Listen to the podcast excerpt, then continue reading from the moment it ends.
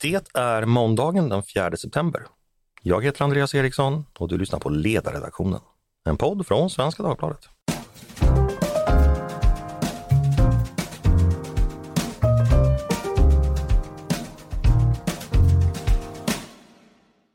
Varmt välkomna! På sidan 32 i Tidöavtalet, högst upp, läser man att partierna som står bakom avtalet förbinder sig att och nu citerar jag, lämna förslag till en ordning med informationsutbyte och anmälningsplikt mellan polisen och myndigheter som kan antas komma i kontakt med personer som befinner sig illegalt i landet. Det innebär alltså att kommuner och myndigheter som kommer i kontakt med personer som helt enkelt vistas i Sverige utan tillstånd också ska vara skyldiga att informera Migrationsverket och Polismyndigheten om detta. Syftet är som det heter, möjligheten att leva i landet utan tillstånd ska försvåras.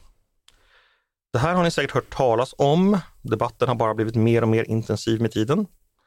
Och då börjar processen när det här förslaget ska bli till konkret politik. I förra veckan kallade Tidöpartierna till en presskonferens och meddelade om tilläggsdirektiv som en, till en utredning som heter Utredningen om stärkt återvändandeverksamhet. Den tillsattes redan av den förra regeringen för ett år sedan och nu ska alltså utökas med ett antal förslag. Och en av de här förslagen det är alltså förslaget om ovan nämnda anmälningsplikt. Regeringen talar om ett välfungerande samverkan mellan myndigheter och ett effektivt informationsutbyte. Kritikerna, de kallar det angiverilag. Vad är då sant om det här lagförslaget? Vad talar emot och vad talar det för? Det ska vi tala om idag. Varmt välkommen hit, migrationsminister Maria Malmer Stenegård. Tack så jättemycket. Kan du kort med egna ord som man brukar säga, berätta. Det här informationsplikten, vad går det ut på? Det här handlar ju om att alla delar i det offentliga ska dra åt samma håll. Det vill säga om ett beslut är fattat av en myndighet eller en domstol, ja då ska vi också hjälpas åt att verkställa det.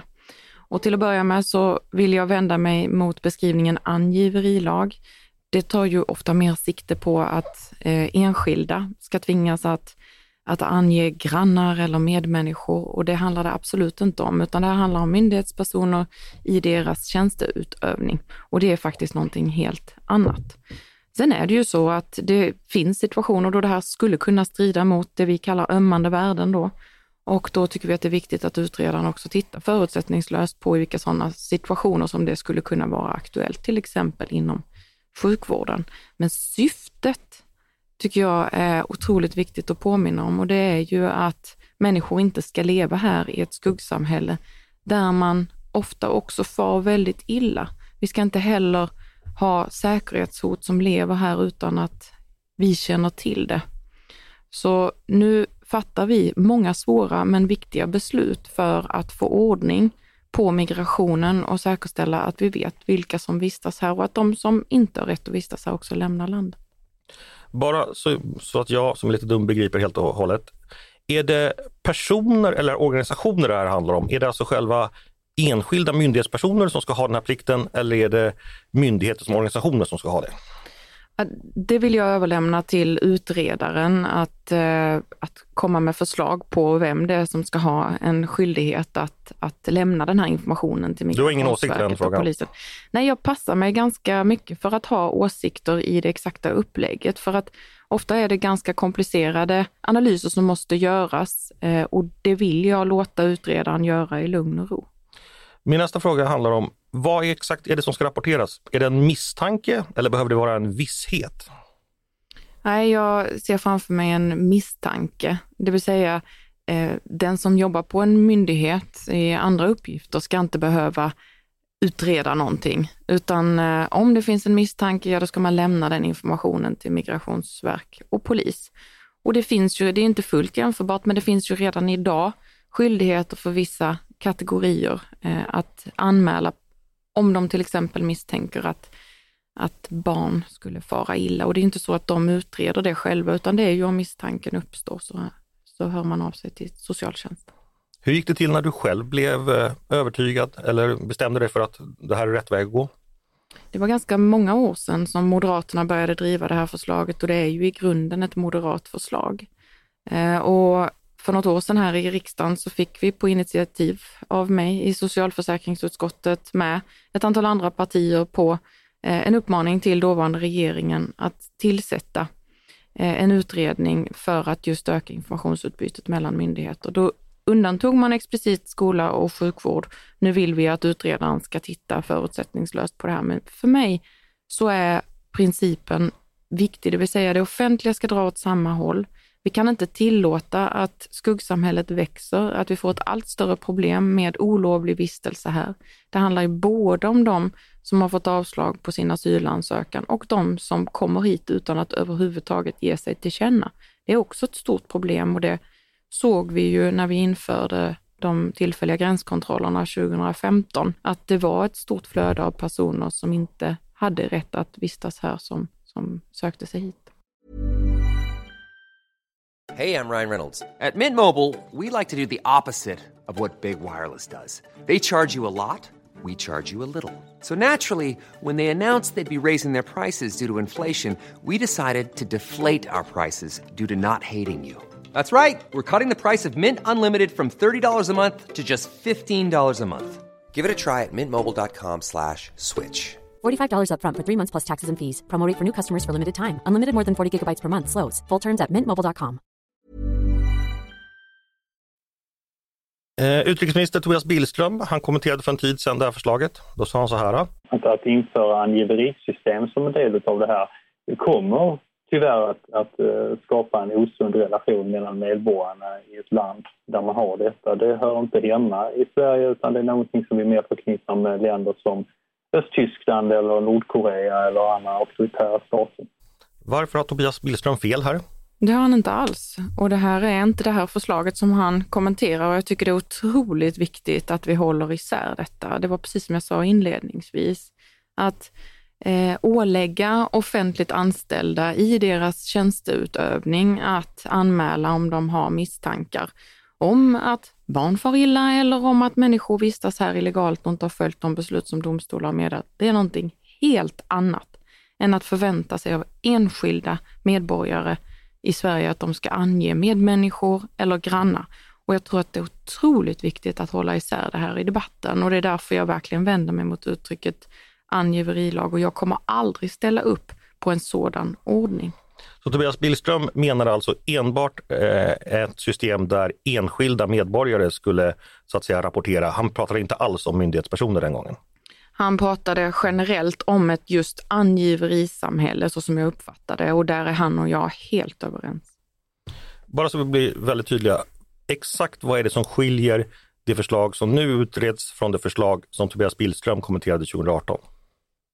Nu har jag inte de exakta förutsättningarna för det citatet framför mig, men så som han uttrycker sig så tog han ju syfte på att medmänniskor, så som det var i totalitära stater, som han nämnde, Eh, hade en skyldighet att ange sina medmänniskor och dit ska vi aldrig någonsin gå i ett liberalt demokratiskt samhälle.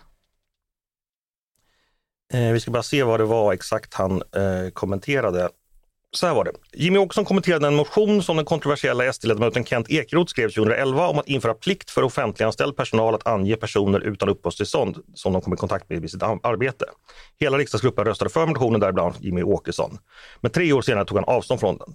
Nu ytterligare fyra år senare tycks han tänkt om på nytt. I en intervju i Sydsvenskan förespråkar han både att det ska bli brottsligt att gömma tillståndslösa och en plikt att anmäla till polisen om man ser någon annan som gör det införs. Det är ganska uppenbart ja, att det här tar sikte på en mycket, mycket bredare bestämmelse. Ja, du, jag får faktiskt ge dig rätt i detta. Ser du några nackdelar eller risker med det här förslaget? Ja, det här är ju en genuint svår avvägning som ska göras mellan olika intressen och här finns en tydlig målkonflikt och jag har mycket stor respekt för de grupper som har invänt, till exempel för att det skulle strida mot deras etiska regler i sin yrkesverksamhet. Och det är därför det är så viktigt att titta på det här på ett mycket grundligt sätt. Eh, men också att eh, stämma av eh, inriktningen mot de internationella konventioner som vi är bundna av, till exempel barnkonventionen. Så att eh, jag tror att det är viktigt att utredaren får, har huvudinriktningen klar för sig, men också ett brett mandat att föreslå eventuella undantag. Om du tänker på de här riskerna, vad är det värsta du ser framför dig som skulle kunna hända om man inför en sån här lag? Jag ser, ska jag säga, framförallt fördelar. Eh, tidigare regeringar av olika färg har konsekvent dragit sig för att fatta svåra beslut. Jo, men jag förstår att det finns fördelar, det är därför ni är för det, men vi pratar ju om att det finns nackdelar och risker. Vad är det värsta du ser framför dig? Nej, men det har kommit invändningar exempelvis om att det skulle försvåra eh, att rekrytera Ehm, duktiga medarbetare som skulle dra sig för den här uppgiften. Det har jag stor respekt för. Och jag har också mycket stor respekt för om man upplever att det skulle stå i strid med de etiska regler som man lyder under, eh, exempelvis inom vården. Du sa ju på presskonferensen då eh, förra veckan och du säger det nu igen att det här är genuint svåra och komplicerade frågor både juridiskt och på annat sätt. Eh, juridiskt är det ju alltid komplicerat, det tycker i alla fall jag. Men vad är det för andra aspekter som inte är juridiska som du tycker är svårt och komplicerat? Nej, men det handlar ju framförallt om de etiska aspekterna där, precis som vi har varit inne på, yrkes, yrkesgrupper menar att det skulle strida mot deras yrkesetik som de har att följa. Eh, och det här är som sagt en målkonflikt och den måste politiken nu vara beredd att också avgöra. Skulle det kunna strida mot olika yrkesgruppers etniska, etiska eh, riktlinjer? Ehm, det tror jag att det finns en, en målkonflikt där eh, och det är ju ofta så. Eh, och man måste ju beakta hur det påverkar tilliten ehm, i exempelvis en patientrelation. Och som sagt, det är svårt och därför tycker jag att utredaren ska få arbeta på i lugn och ro med detta. Skulle man kunna säga att den här målkonflikten skulle kunna innebära att eh, etiken blir den som får dra det kortaste strået ibland? Yrkesetiken? Jag tycker det är för tidigt. Alltså, jag säger ju att det är en konflikt som måste dömas av och jag tycker det är för tidigt att föregripa var eh, den avdömningen ska landa. Och det är inte heller jag som ska göra det i det här skedet. En sak jag är nyfiken på, eh, finns den här modellen i några andra länder? För alltid när det, det sker att eh, förslag kommer som uppfattas som kontroversiella i Sverige, då brukar dess anhängare kunna dra fram att så här har man minsann gjort i Danmark sedan 2002. I Danmark en diktatur. Kan du dra det kortet nu? Det kan jag. Berätta. Eh, Det här har funnits i många, många år i exempelvis Tyskland, som ändå brukar betraktas som en ganska ordnad rättsstat. Eh, Där eh, har man precis den här skyldigheten. Man har undantagit en kategori och det är skolväsendet. Vet du varför man har gjort det i Tyskland? Jag är övertygad om att det handlar om, om eh, precis en sådan avvägning där man har landat eh, i att barnperspektivet eh, i det fallet motiverar ett undantag och jag tycker ju personligen kanske också att barnperspektivet är det svåraste i den här frågan. Barn är ju eh, offer eller eh, får i alla fall konsekvenser av sina föräldrars handlande och det är inte deras eget agerande och det måste man också väga in. Mm. Vi har, ska vi säga, på den här sidan eh, skrivit om det här förslaget. Då har vi varit kritiska. Eh, Mattias Svensson skrev en text för en tid sedan under rubriken Fel sätt att bekämpa skuggsamhället. Och en nyckelmening är där, skulle jag säga, det är att, att en ambition är riktig och moralisk betyder inte att alla medel är legitima eller lämpliga. Det vill säga att han eller vi, vi, vi köper premissen att det här är någonting som bör bekämpas, skuggsamhället och så vidare, där är vi med. Men vi är lite oense om verktygen. Så jag ska ta några av hans invändningar och höra vad du tänker. Eh, när du säger att det offentliga, som är att alla anställda eh, ska dra åt samma håll, är det verkligen sant eller rimligt? Redan idag drar det offentliga åt olika håll i flera situationer och så måste det vara. Exempelvis i det statliga rättsväsendet där åklagare, försvarare och domare har helt olika roller. Vad tänker du om den invändningen? Eh, jag har väldigt stor behållning av att läsa Mattias Svensson och jag tycker han är en väldigt klok person. Eh, I det här fallet så tycker jag dock att han gör en liten tankemässig kullerbytta. För eh, man måste skilja på eh, processen före ett beslut har fattats eller en dom har meddelats och verkställighetsfasen. Och det är ju precis så som Mattias Svensson skriver att före det att ett beslut har fattats, det vill säga under prövningen, så finns det olika roller som är otroligt viktiga att respektera och hålla isär, såsom åklagare och, och advokat exempelvis. Men när beslut väl har fattats och vunnit laga kraft och ska verkställas, ja då ska ju det offentliga dra åt samma håll och det är ju någonting helt annat. Om vi en, någon som eh, har fått besked om att man ska lämna landet efter exempelvis avslag på sin asylansökan är ju inte på något sätt kriminell. Men om man ska jämföra med brottmålsprocessen där du har partsförhållandena innan dom, så drar ju sen samhället åt samma håll när eh, domen sen ska verkställas. Säg att någon har dömt till ett fängelsestraff men avviker eller rymmer, ja då är det ju många som samverkar för att säkerställa att den här personen ska avtjäna sitt straff. Du återkommer både nu och i tidigare intervjuer till det här att det offentliga ska dra åt samma håll. Varför är det en så självklar premiss? För att Sverige genomgående under flera decennier har sänt motstridiga signaler på migrationsområdet. Mm, man har haft myndigheter som har fattat beslut om att någon ska lämna landet. Samtidigt har vi haft myndigheter i form av kommuner som regelmässigt har lämnat ut försörjningsstöd till samma individer, vägrat lämna uppgifter trots att de vet var de här personerna uppehåller sig till Migrationsverket. Det är ju att dra åt olika håll och sända dubbla signaler. Ja, det förstår jag, men och, varför är det per definition mm, dåligt? Det ska jag komma till. Det här visar ju forskningen att om vi sänder sådana dubbla signaler så bidrar det också till att eh, människor inte tenderar att följa beslut. Det bidrar till att fler också söker sig till Sverige för man vet att egentligen så finns det en möjlighet att uppehålla sig här oavsett om man på pappret har rätt till det eller inte. Och nu är det dags att få ordning och reda i migrationspolitiken och säkerställa att ett ja är ett ja och där måste integrationen fungera mycket bättre. Men att ett nej också är ett nej och att man de facto också tvingas lämna landet. Och ytterst så handlar det ju om att vi ska använda våra resurser på rätt sätt. Och om vi fortsätter att lägga resurser på personer som har fått en prövning men har fått nej, ja då minskar det ju naturligtvis våra möjligheter att hjälpa de som faktiskt har skyddsskäl. Och jag kan tycka att, att ibland så blir debatten skev, för det framställs nästan som att de här människorna har en rätt att stanna kvar i landet trots att de har fått nej på sin ansökan i en rättssäker och grundlig process. Men det har de inte. De har ju en uttalad skyldighet att följa beslutet och lämna landet. Och det är ju det enklaste sättet att undvika skuggsamhället. Eh, jag fortsätter med Mattias invändningar. Då skriver han så här, eh, jag sammanfattar. Att hitta och utvisa den som upprätthåller sig illegalt i Sverige är polisen och Migrationsverkets sak. Det är inte en sak för bibliotekarier, sjuksköterskor eller lärare.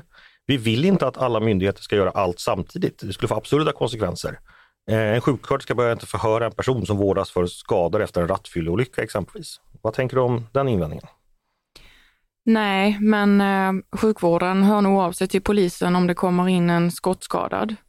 Eh, vi vet att eh, huvudregeln för all offentlig verksamhet är att man ska meddela Skatteverket om någon är felaktigt folkbokförd. Det finns en rad sådana här uppgifter som inte tillhör kärnuppgifterna i ens yrkeskompetens, men som ändå åläggs en för att man har en offentlig befattning. Eh, och det tycker jag inte är orimligt. Däremot, återigen, så kan det ju vara orimligt i vissa specifika situationer för att det skulle strida mot ömmande värden och då bör man också göra undantag. För mig uppstår det lite gråzon här när vi pratar om att, du sa ju tidigare att det är misstanke som det ska vara, vara plikt att informera om. En sån misstanke kan ju uppstå av olika omständigheter. Man skulle ju kunna säga om man börjar bli lite misstänksam skulle man kunna börja ställa frågor och bli mer misstänksam. Eller så väljer man att inte ställa frågor och skjuter tillbaka den här lilla misstanken tillbaka i huvudet. Kan du se att här finns en viss ja, men en dunkel zon som inte är helt lätt för framförallt inte för enskilda tjänsteutövare att veta hur man ska agera i olika sammanhang? Till 100 procent eh, och det tror jag aldrig vi kan reglera bort. Eh, och det är ju på motsvarande sätt om man har en, en eh, misstanke eller en mycket svag misstanke om att barn far illa. Ska jag anmäla det eller inte? Här tror jag att vi får lita på våra duktiga tjänstemän och deras omdöme. Men återigen, jag tycker att det är otroligt viktigt att, att vi nu eh, har tydliga principer om att upprätthålla vissa värden i vårt samhälle och säkerställa att de beslut som har fattats inte bara blir en pappersprodukt. Men du lägger ändå en ganska stor börda på enskilda tjänsteutövares omdöme som du säger, kanske även samvete, med den här, om det här skulle gå igenom?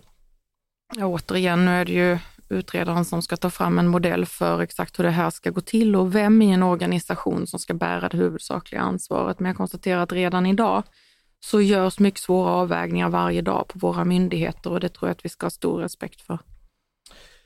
Eh, Mattias skrev också så här att eh, tilliten mellan medborgare och myndighet äventyras, i synnerhet bland människor med invandrarbakgrund, som ständigt kommer att få sina identitet granskad av myndighetspersonal.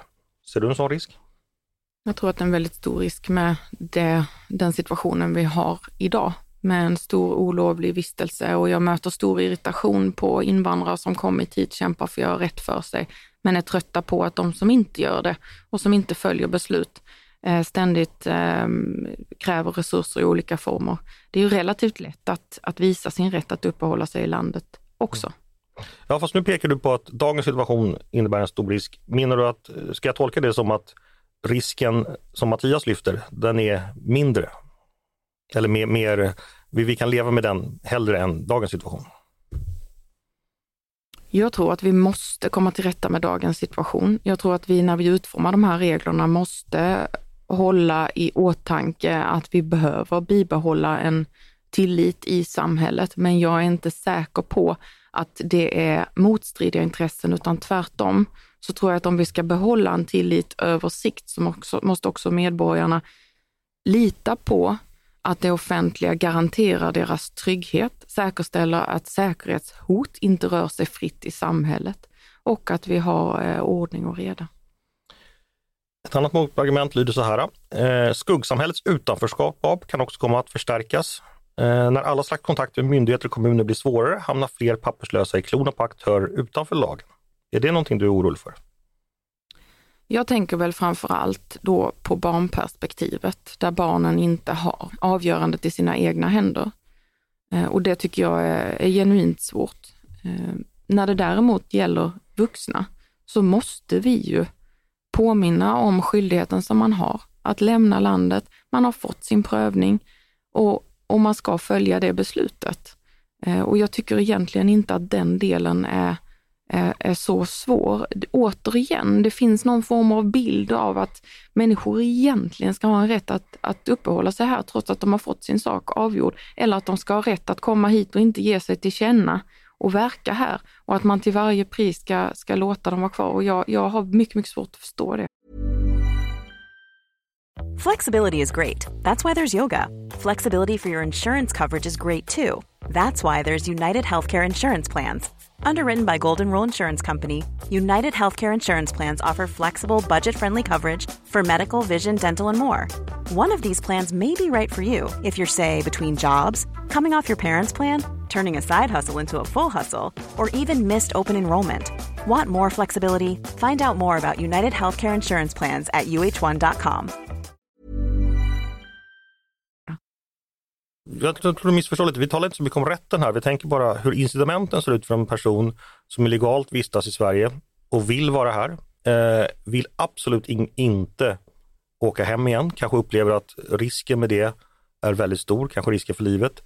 Och att man då helt enkelt drar sig för att när man blir sjuk eller skadad uppsöka sjukvården för att då vet man att risken är att man kommer att åka ut ur landet. Därför ser man inte till att få den behandling och kanske det får stora konsekvenser för ens hälsa eller till och med liv. Det är den incitamentstrukturen, ser du någon risk med den?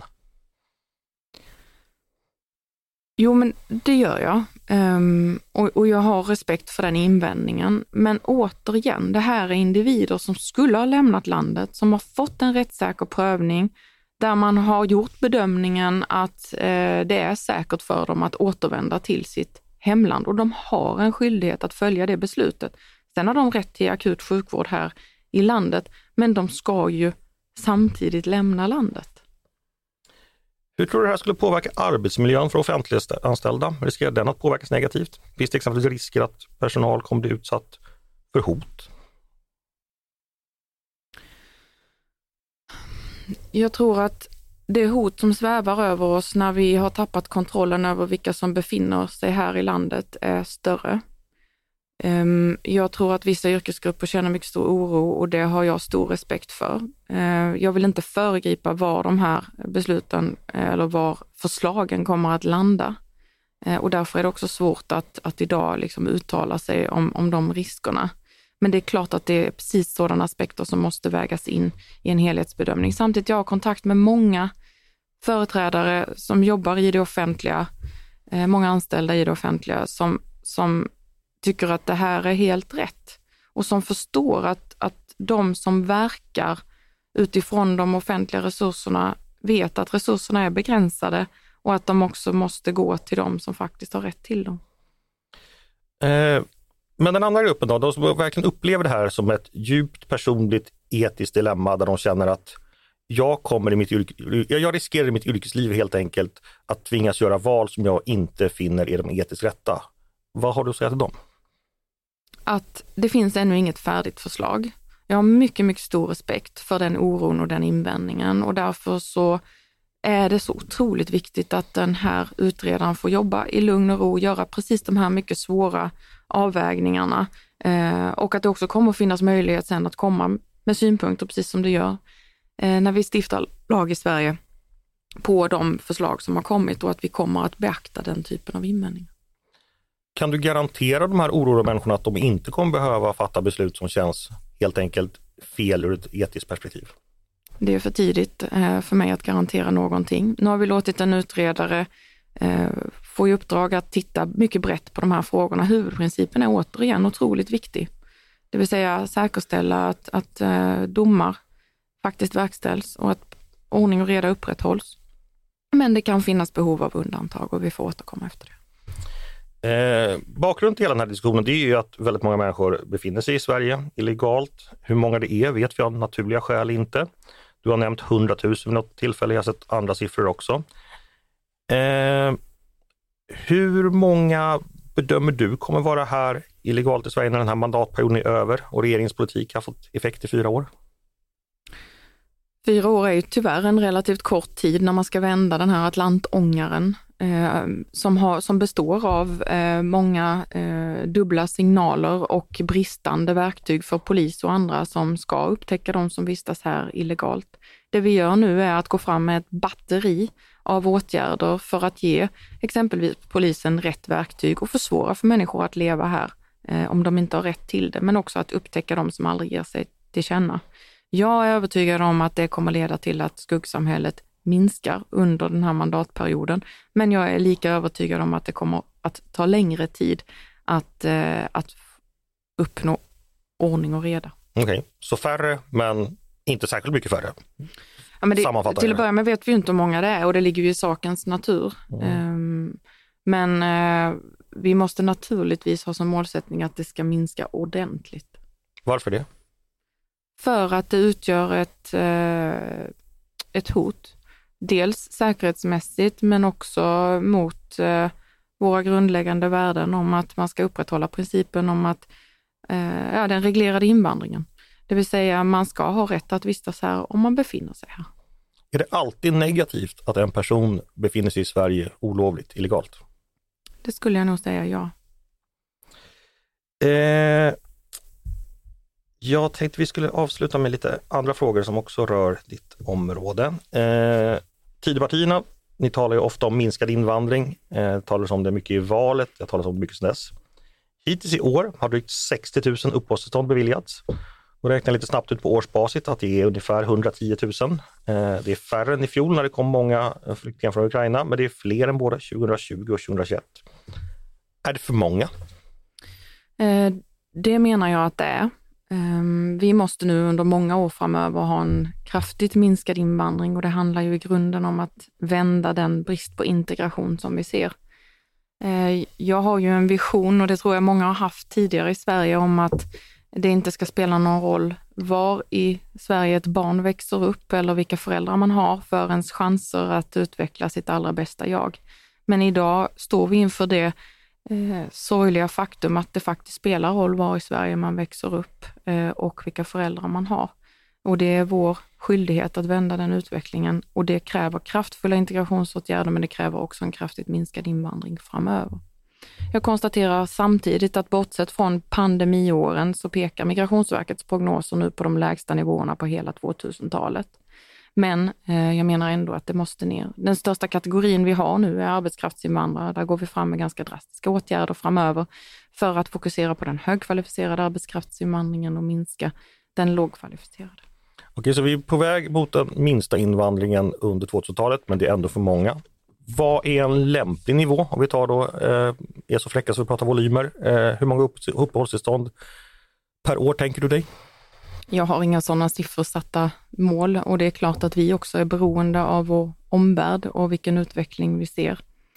Och då konstaterar jag att i Europa är det många länder som nu upplever en, en eh, ökning av antalet asylsökande totalt sett plus 30 procent i EU, medan Sverige har en minskning med 25 procent. Jag tycker det är för tidigt att dra några slutsatser av det, men vi måste fortsätta i den riktningen och vi har ju historiskt här stuckit ut jämfört med andra jämförbara länder. Jag tycker det är relevant att titta på Norden exempelvis.